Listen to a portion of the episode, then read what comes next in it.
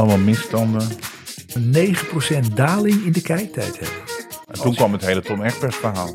In jaren dat er geen inflatie was, deden ze 5% bij. En nu is er wel inflatie, doen ze er 10% bij. Ik vermoed zomaar dat je het daar niet mee eens bent. Keer op keer iedereen echt enorme PR-fuck-ups maakt. Ja, nu vind ik dit van hem en nu vind ik dat van hem. I hate that the media's, you know, they're trying to control our minds. Want the truth? You can't handle the truth. Dit is de Dutch Media Podcast met David de Jong en Taco Jelgersma. De podcast over marketing, media en telecom.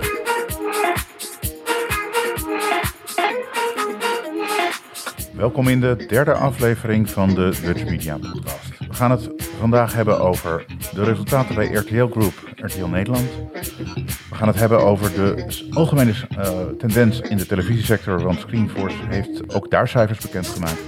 We gaan het hebben over de radiosector, want Audify heeft eh, de jaarcijfers ook bekendgemaakt. En een debat over de investeringsverplichting van streamingdiensten die er was in de Tweede Kamer.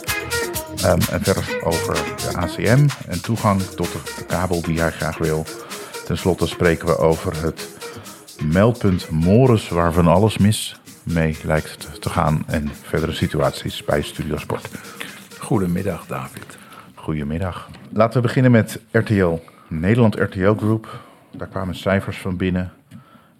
Torenhoog record. Werd er weer, recordcijfers werden weer gerapporteerd. Men is heel blij. Maar ja, meer dan 50%. Dat heet dan aangepaste EBITDA-winststijging. 10, meer, meer dan 10,5% omzetstijging tot 636 miljoen. Ehm, hoe kijken we daarnaar?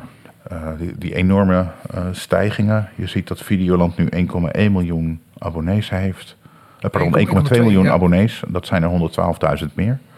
Eh, in eh, afgelopen kwartaal, maar in een jaar tijd 129.000. Ik wil niet te veel al die cijfers gaan noemen. Maar wel met elkaar bespreken, hoe kijken we daarnaar?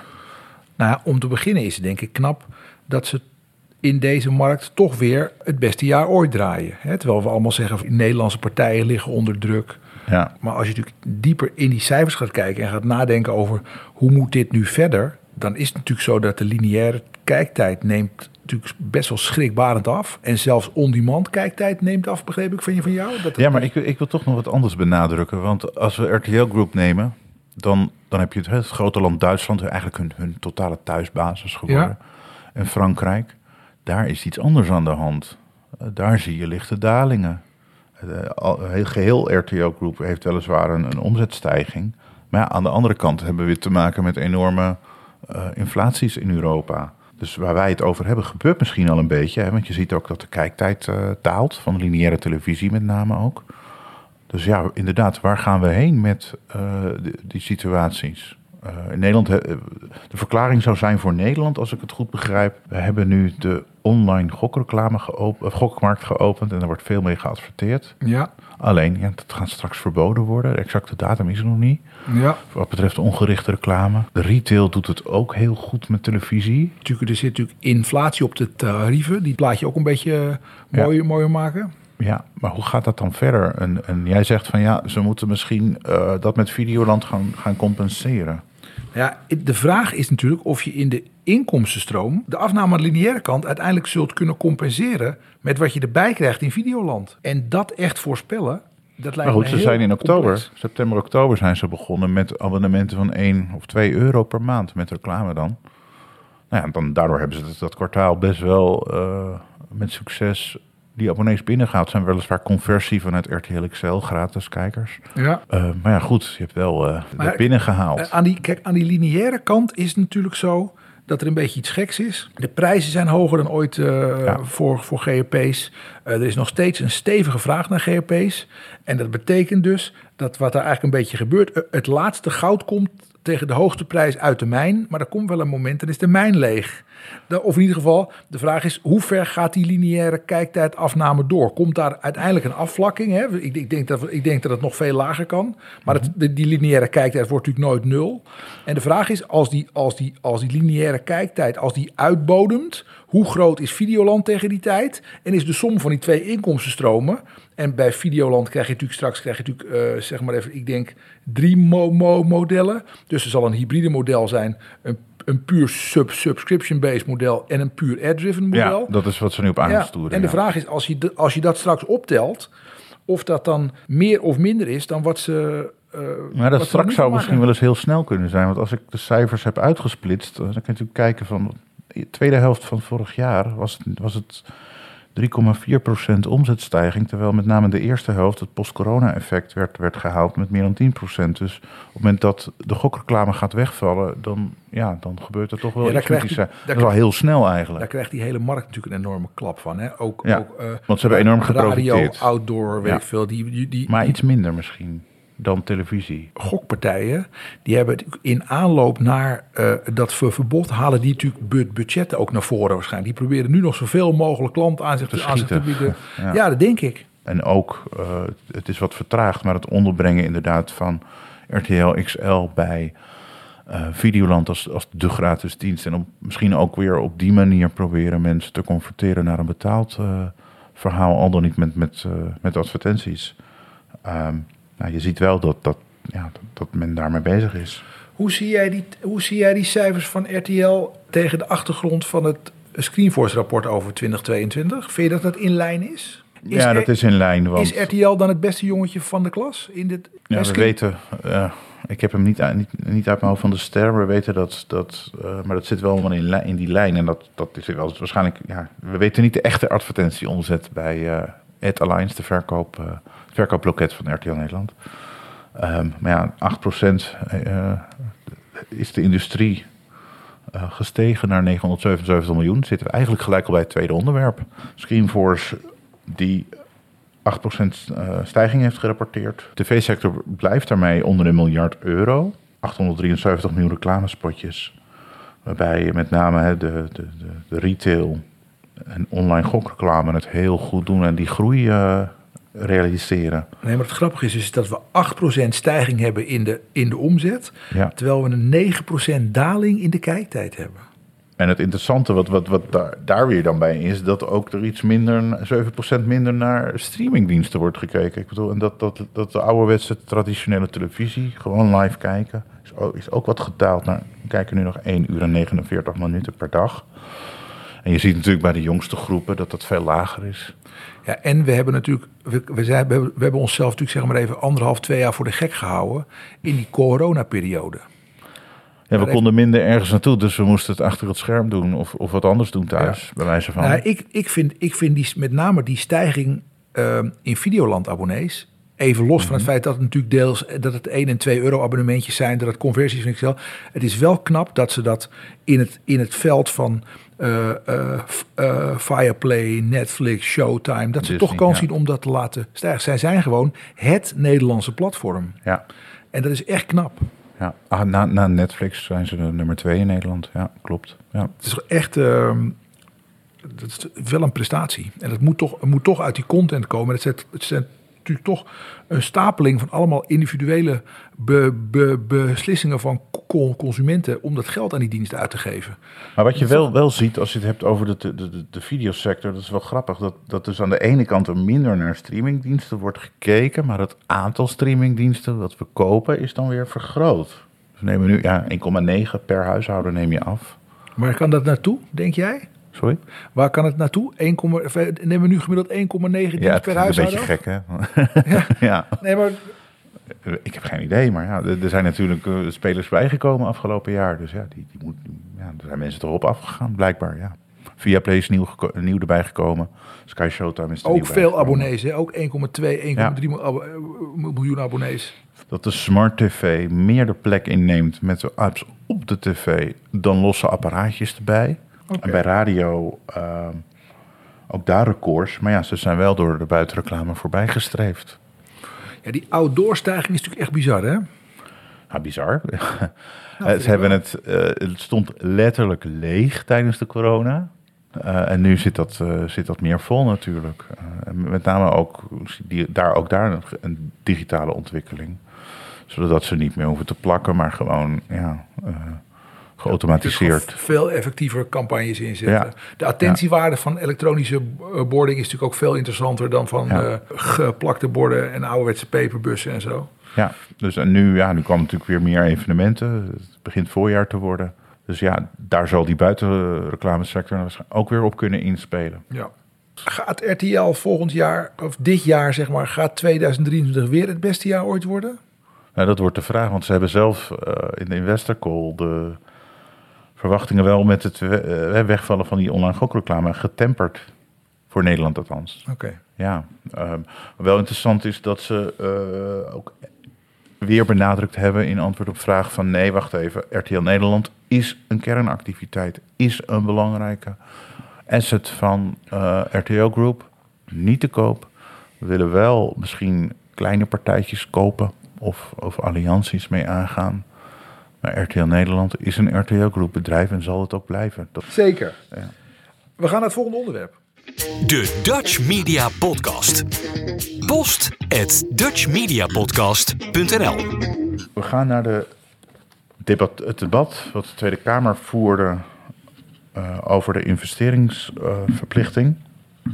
Die voerde op 22 maart eh, een heel lang debat. Ik dacht, er is er niks belangrijkers in de wereld, maar goed, om over te spreken. Ehm, en het viel mij op, ik heb, eh, ik heb dat een beetje proberen te volgen. Ehm, het gaat om een investeringsverplichting voor streamingdiensten, waarbij de regering nu voorstelt om 4,5% van de omzet te moeten investeren als je meer dan 10 miljoen in Nederland omzet. Want je zag in het lange debat dat eh, eigenlijk de twee aanvoerlijnen waren vanuit de Tweede Kamer om, Ja. om wijzigingen aan te brengen in dat wetsvoorstel. Aan de ene kant heb je daar de VVD en CDA. Die zeggen, de VVD zegt bijvoorbeeld van, nou ja, weet je wat, eh, nu staat er dat ze twee jaar de tijd krijgen om te investeren. Ehm, laten we daar vier jaar voor maken. Nou, dat is totaal versoepelen. CDA gaat nog een heel stuk verder. Die zegt van, weet je wat? Nee, dat hoeven geen culturele producties te zijn waar ze in moeten investeren. Doe maar gewoon alles. Maakt niet uit, als het maar Nederlands is. En de VVD, die zegt, ehm, ja, we willen dat nog wel cultureel hebben, maar laten we het dan uitbreiden met cabaret, comedy en reality programma's, die dan Nederlands moeten zijn. Maar dat is bijna een soort cultuurpolitiek. Ja, maar het, het was al cultuurpolitiek natuurlijk om te zeggen, want we, we moeten eh, films, series, eh, in ieder geval die, die, hè, dat, dat het echt wel eh, eh, om acteurs gaat, om, om, om, om fictie en dat soort dingen. Ja. Of, docu- ja, of, of documentaires, wat meer serieuze dingen. Ehm, omdat die daar, dat betoogde dan de staatssecretaris, het, het gebrek in de, in de markt bestaat eh, aan producties. Op die manier van Nederland. Maar er zijn dus een paar eh, lagen. Ja. De eerste laag is, eh, vind je dat er een verplichting moet zijn? Dan is de tweede laag is, hoe hoog zou die ongeveer moeten zijn? En dan is de derde laag is eigenlijk, eh, eh, maakt het ook uit waar je die verplichting aan uitgeeft? Ja. mag, je, mag je Fantasy Island maken of moet het Zembla zijn? Zeg ik even heel, zeg ik even heel. We moeten Ja. het onderzoek. Wel zeggen, je moet zoveel procent van je omzet aan onderzoeksjournalistiek. Ja, dat zou kunnen met moet- documentaires, of- dat mag wel. Ja. Ja. exact. Dus dat.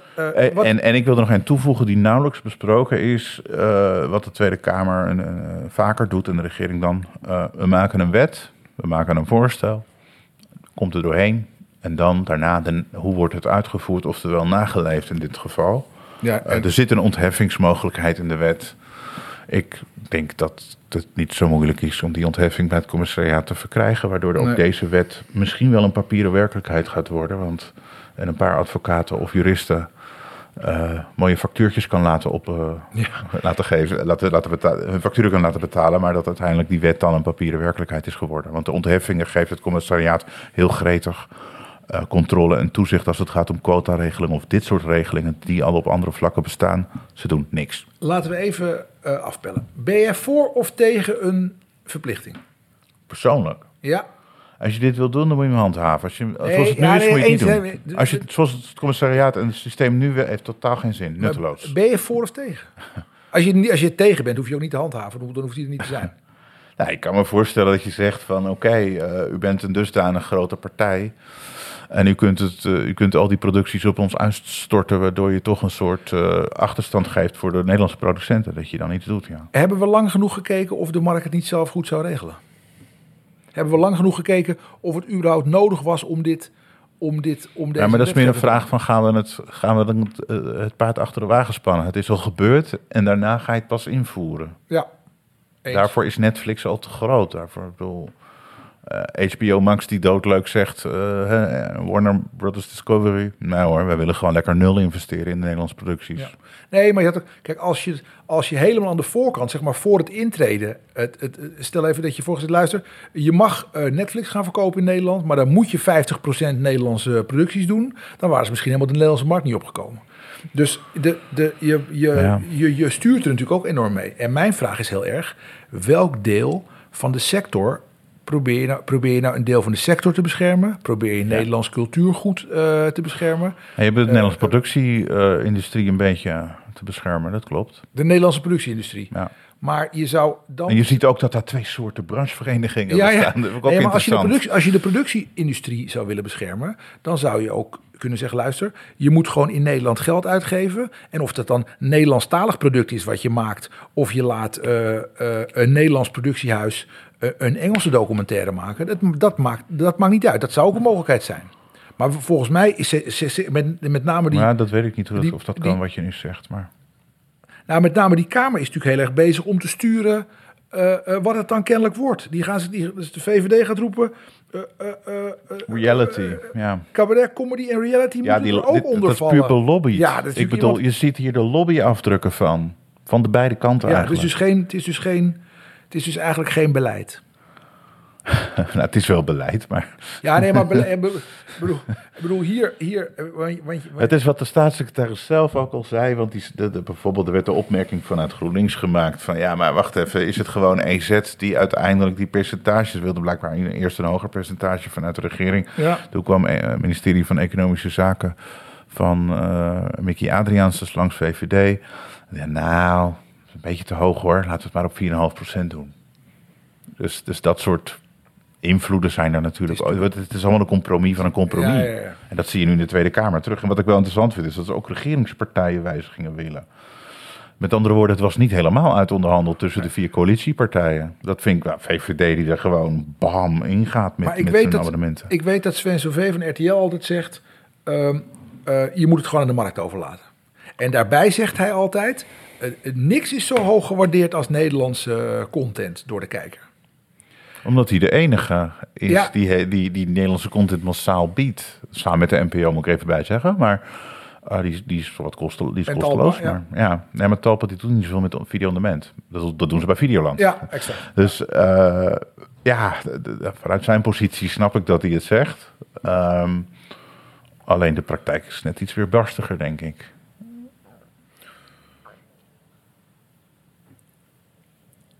Ja, ik... Maar we, Ik bedoel, vergeet ook niet dat, ja, eh, waarschijnlijk als je het eh, zijn conculega's bij Fremantle ook RTL Group vraagt, dan zullen die denken, nou, wij vinden het misschien wel mooi om, dat- om dat- ook meer te kunnen produceren. ja. Dus het is maar net wie het vraagt natuurlijk en wat zijn achtergrond is. Ja, ik denk dat dit soort, dat dit soort eh, regelingen, dat, die, dat, er, dat, er in, dat er in de praktijk heel veel gepraat wordt en heel veel gelobbyd en heel veel gedaan. En dat wat jij zegt heel erg waar is. Als het commissariaat eh, wat je ook besluit niet gewoon heel hard handhaaft en niet veel eh, terughoudender is met het, met, het, met het verlenen van on- ontheffingen, dan gaat het in het grote plaatje gewoon niet zo heel veel doen. Ik bedoel, als je Warner Brothers Discovery heet en die hebben er letterlijk ervaring mee. Die hebben voor de gewone tv-zenders gezegd, wij zijn tv-zenders met Amerikaans stijlproduct en daarom kunnen wij geen Nederlandse, sorry, geen Europese producties uitzenden. Ja. Nou, dat bedrijf is blijkbaar heel ervaren ermee.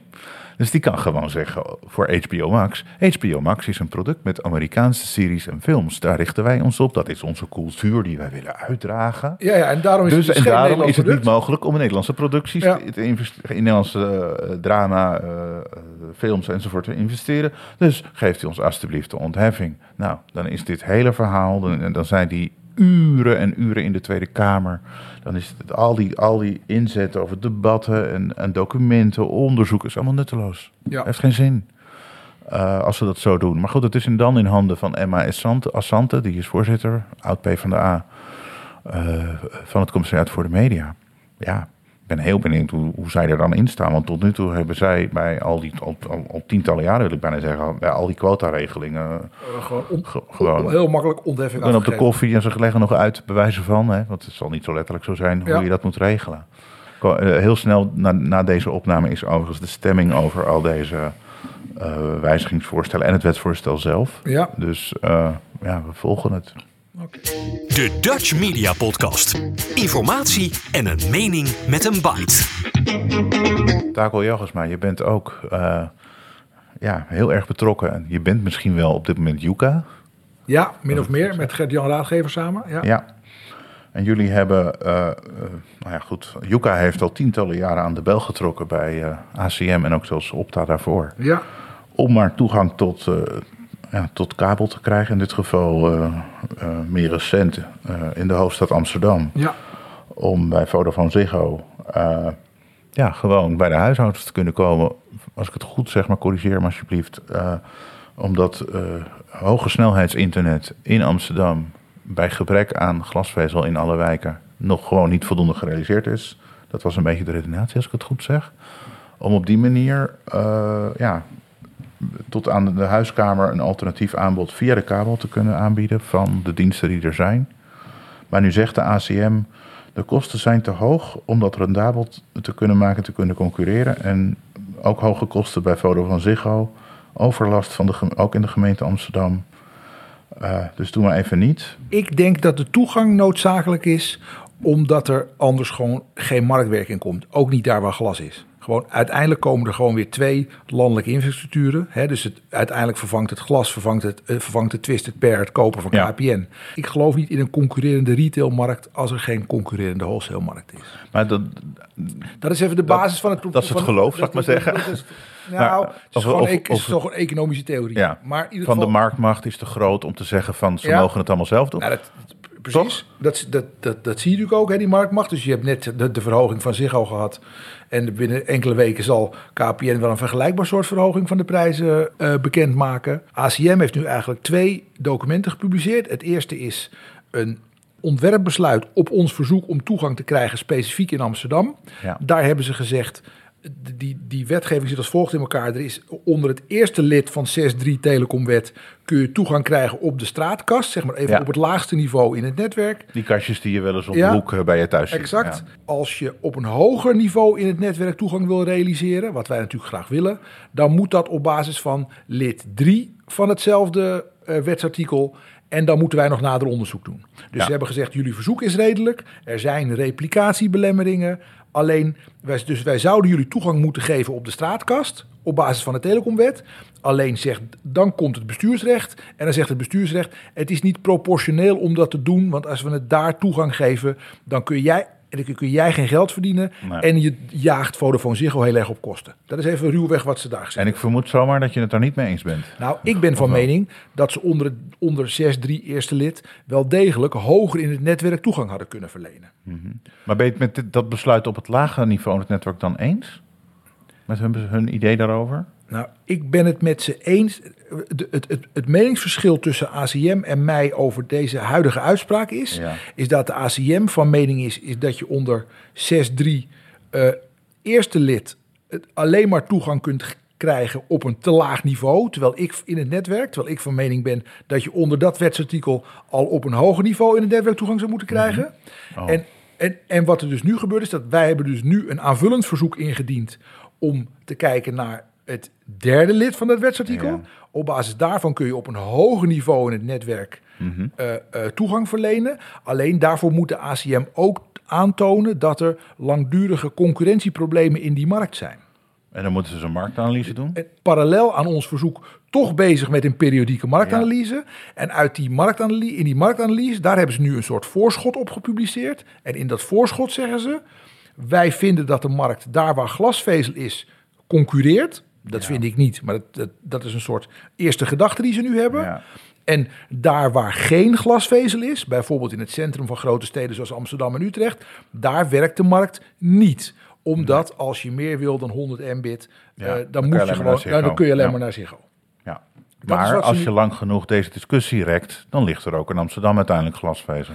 Toch in 2026 Ja, de- ligt het er de- misschien wel. De, in ieder geval is het zo dat de ACM, als ze dit soort analyse doet, wat dan heet eh, een soort prospectieve Ja. eh, analyse moet doen. Eh, daarmee moeten ze bijvoorbeeld ook meenemen stijging ko- eh, kosten van grondstoffen, beschikbaarheid van aannemers, Ja. dat soort dingen. Dan is dus de vraag wanneer binnensteden van Amsterdam en Utrecht, wanneer dat soort, Ja. wanneer dat soort plekken aan de beurt komen. Maar wat mij betreft blijft gewoon de vraag: gaan we niet hetzelfde zien als we in de ADSL-tijd gezien hebben? Namelijk dat je in beginsel inderdaad een hoop kleine aanbiedertjes kreeg, dat die inderdaad wel over elkaar heen buitelden om klantjes te verzamelen omdat die namelijk uiteindelijk allemaal zaten te wachten op de consolidatiegolf die daar ook gekomen is. Ja. Waarbij een netwerkeigenaar zoals KPN Ja, eh, al die aanbieders weer opkocht. En dan zitten we dus uiteindelijk weer straks met twee netwerken. Met op elk netwerk één dominante aanbieder. Die dus ge- gezellig in een duopolie eh, de, de, de prijs maar laten, laten stijgen. En doorbreek je tot- dit? Ja, Want- hoe- dat is, dat is, als ik dat wist.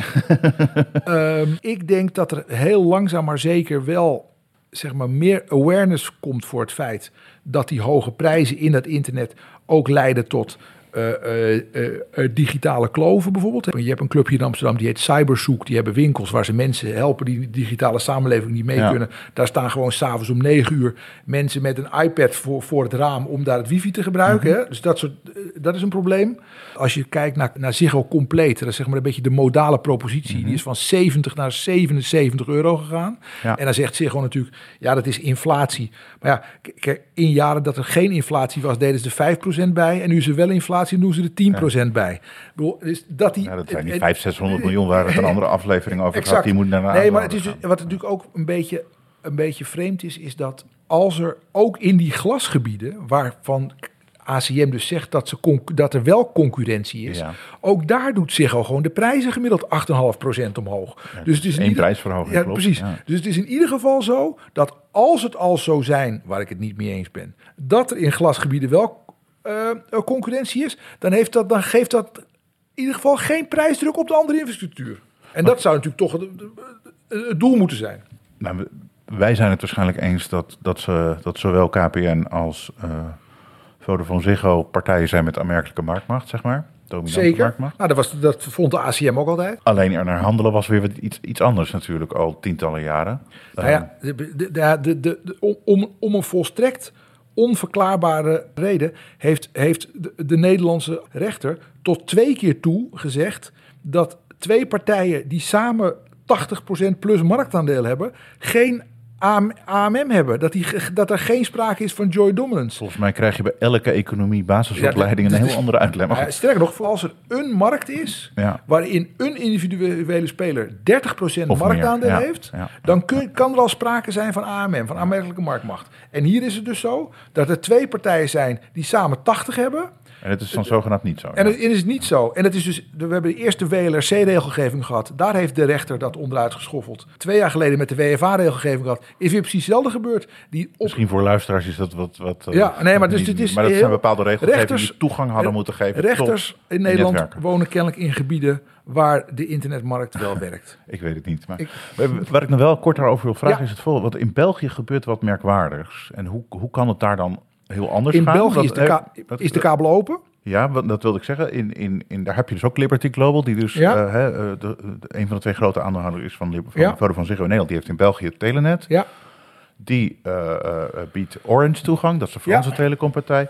En nu de, in Franstalig België en Wallonië wordt, en Brussel wordt, die nog van de overheid is, VOO, Voog, Ja. gekocht, verkocht. En dan zegt Europese Commissie notabene, ja. ja wacht even, dat dat betekent dat er minder concurrentie zal zijn. Dus wij verplichten u dat notabene Telenet, dus de Liberty Global partij, Ja, zeg maar, ja, de- de, dezelfde van, eh, ja, van, exact. eh, Ze hebben net een aanbod gedaan. Die moet dan, en die wil dat ook, die wil dan toegang in dat andere Ja. landsdeel als wederverkoper. En ze zijn, het, het, het- Dus eh, ik snap het nou ja, even niet. Hoe Global- dat daar dan allemaal wel op die manier Nou, er zijn twee moeten ook en, zeggen. en hier niet?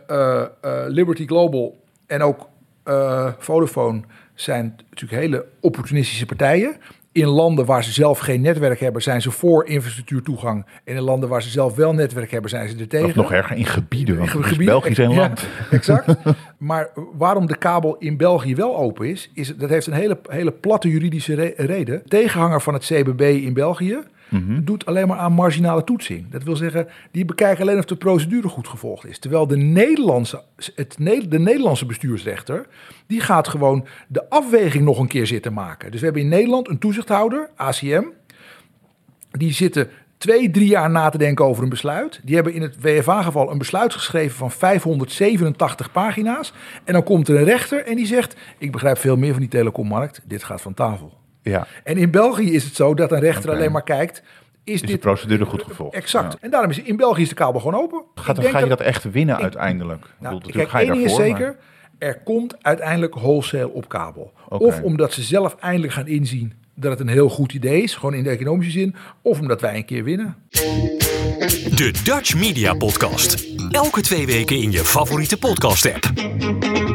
Heel ander onderwerp, grensoverschrijdend gedrag. Ja, ineens was daar Studio Sport met allemaal misstanden.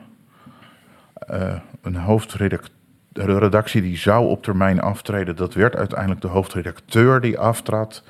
Adjunct, zit, adjuncten zitten er nog, twee althans, voor overdracht. En eh, Tom Egbers die al zijn privé eh, zaken eh, op primetime op NPO 1 uit de doeken deed. Anderzijds was er dan eindelijk het Openbaar Ministerie die over Ali Boeri en Jeroen Rietbergen zei... we gaan die twee vervolgen.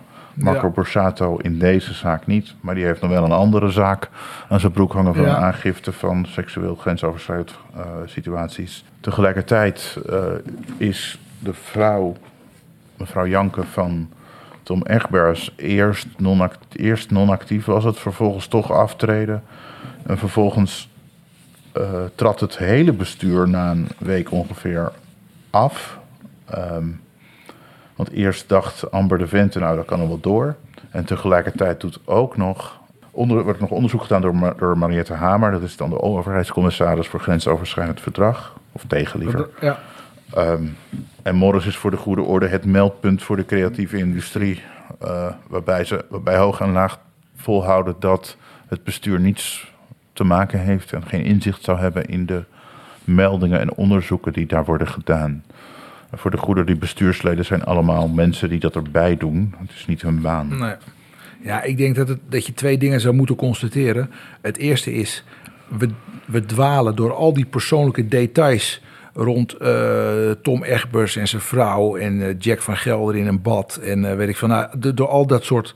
de- Ja, dat laatste de- was nog een beetje detail- werkgerelateerd. Maar, het, maar het eerste ging op een gegeven moment wel heel Ja, erg privé dus dat- in een serieus programma. Ja, daar, daar raken we natuurlijk volstrekt de, focus kwijt over waar het over gaat. Namelijk Ja. dat als iemand naar zijn baas gaat en zegt: joh, die en die doet dat en dat bevalt me niet, dat daar dus niks mee gebeurd is jaren. Nee. Dat is het eerste. Het tweede is dat er echt keer op keer iedereen echt enorme PR-fuck-ups maakt. En Dat je- protectionistisch. ja, dat je Ja. denkt van jeetje, gooi nou gewoon open, wees gewoon eerlijk. Dat geldt wat mij betreft eh, eh, eh, voor Janke Dekker, voor Timmer, eh, eh, eh, voor alles en iedereen. Je moet gewoon zeggen, jongens, luister, dit is ge- ge- gebeurd. We gaan er naar kijken. Binnen een redelijke termijn is er een onderzoek en is er een uitkomst. En dan gaan we zeggen hoe we hier in de toekomst Maar, mee, maar, maar je mee- zit met mee- het punt. mee doorgaan. Je zit misschien ook met het punt, in dit geval zonder aanval des persoons, maar de directeur van de NOS, die was daarvoor directeur van BNN Vara.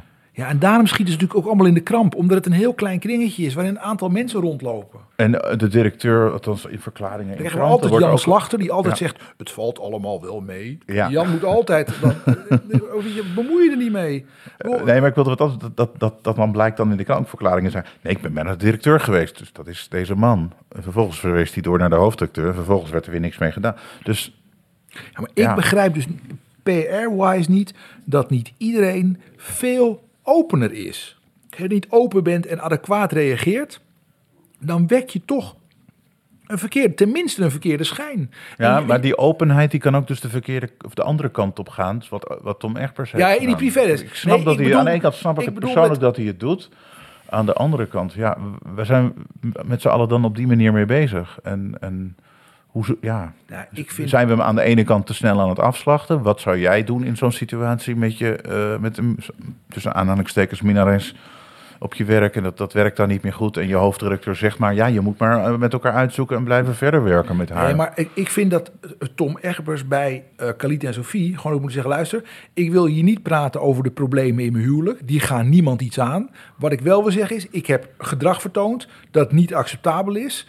Daar wil ik op die en die manier mijn verantwoording voor nemen. En ik vind dat het zo en zo verder moet. Maar dat leek wel een soort boulevardachtig item. Het- het- het- waarbij ja. hij moest ondervraagd moest worden Ja. over met wie hij wel en niet gezoend En had. En waarom. En gedaan ja, wat, waar wanneer gaat dat over? ja. Wat, is dat voor, wat, is dat voor, wat is dat voor dat- is, boulevardachtig geheim? dit is bijna eh, trial by media als het ware. Ja, Van, maar wij dat moeten hem wel of goed of afkeuren. En je zag ook daarna, Ja, maar eh, ik ik wil denk bijna dat zeggen met wellust, sommigen van... ja, nu te- vind ik dit van hem en nu vind gewoon. ik dat van hem. En ik vind ook dat, ik vind ook dat Janke eh, Dekker, wiens functioneren ik bij dat Morris-meldpunt helemaal niet, helemaal niet kan beoordelen. En ik denk velen met mij niet. Eh, dat die gewoon had moeten zeggen: luister, dit is inderdaad gebeurd in, in mijn pri- privéleven. Mijn man heeft zich kennelijk daar schuldig aan gemaakt. Eh, niet, veel. eh, of niet, dat, dat, Ja. dat wist ik. Eh, ik weet waar het over gaat en ik denk dat ik gewoon kan functioneren. Want ik ben zelf ook een vrouw in de media. Ik ben ook wel eens in die positie geweest. Ik heb bovendien een man die zich daaraan schuldig gemaakt heeft. Oh, je denkt dat ze dat had kunnen zeggen en Ja, dat vind ik wel, ja. Je moet het naar je toe halen. Maar, je moet maar het niet van je afduwen. het probleem hier is, zij heeft zelf ooit gezegd... op het moment dat er ook maar één spoor van discussie... of op het moment dat er discussie zou komen over mijn privéfamilie... dan treed ik terug. Nou ja, ik vind, ja, ik vind dat ook heel, vind ik ook een heel gek statement. Maar we hebben het over, voor de goede orde, we hebben het niet over een, een directeur ergens of wat dan ook. We hebben het dan over de voorzitter van het meldpunt van ongewenst gedrag. Waar dus slachtoffers, maakt niet uit, man, vrouw, naartoe kunnen gaan als er iets gebeurd is. Ja, maar waarom zou, die, waarom zou dat niet iemand mogen zijn die een man heeft die zelf een misstap begaan heeft? Ik vind bekrompen hoe we omgaan met de positie van Janke Dekker.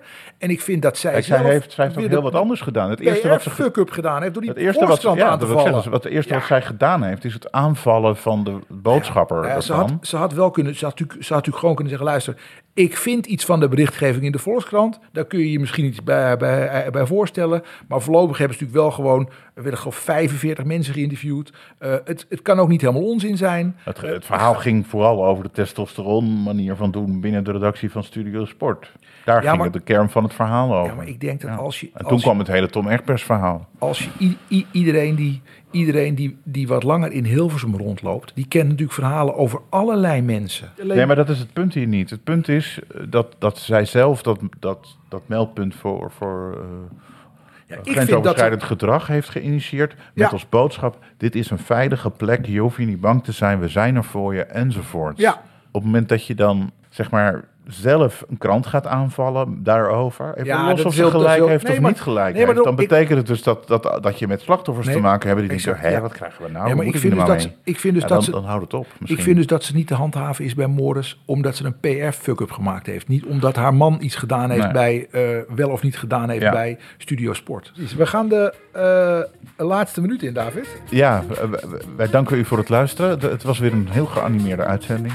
Ehm, we zijn er ijs en wederdienen weer eh, over circa twee weken. Eh, en we- vandaag spreken wij 23 maart dat dit opgenomen wordt.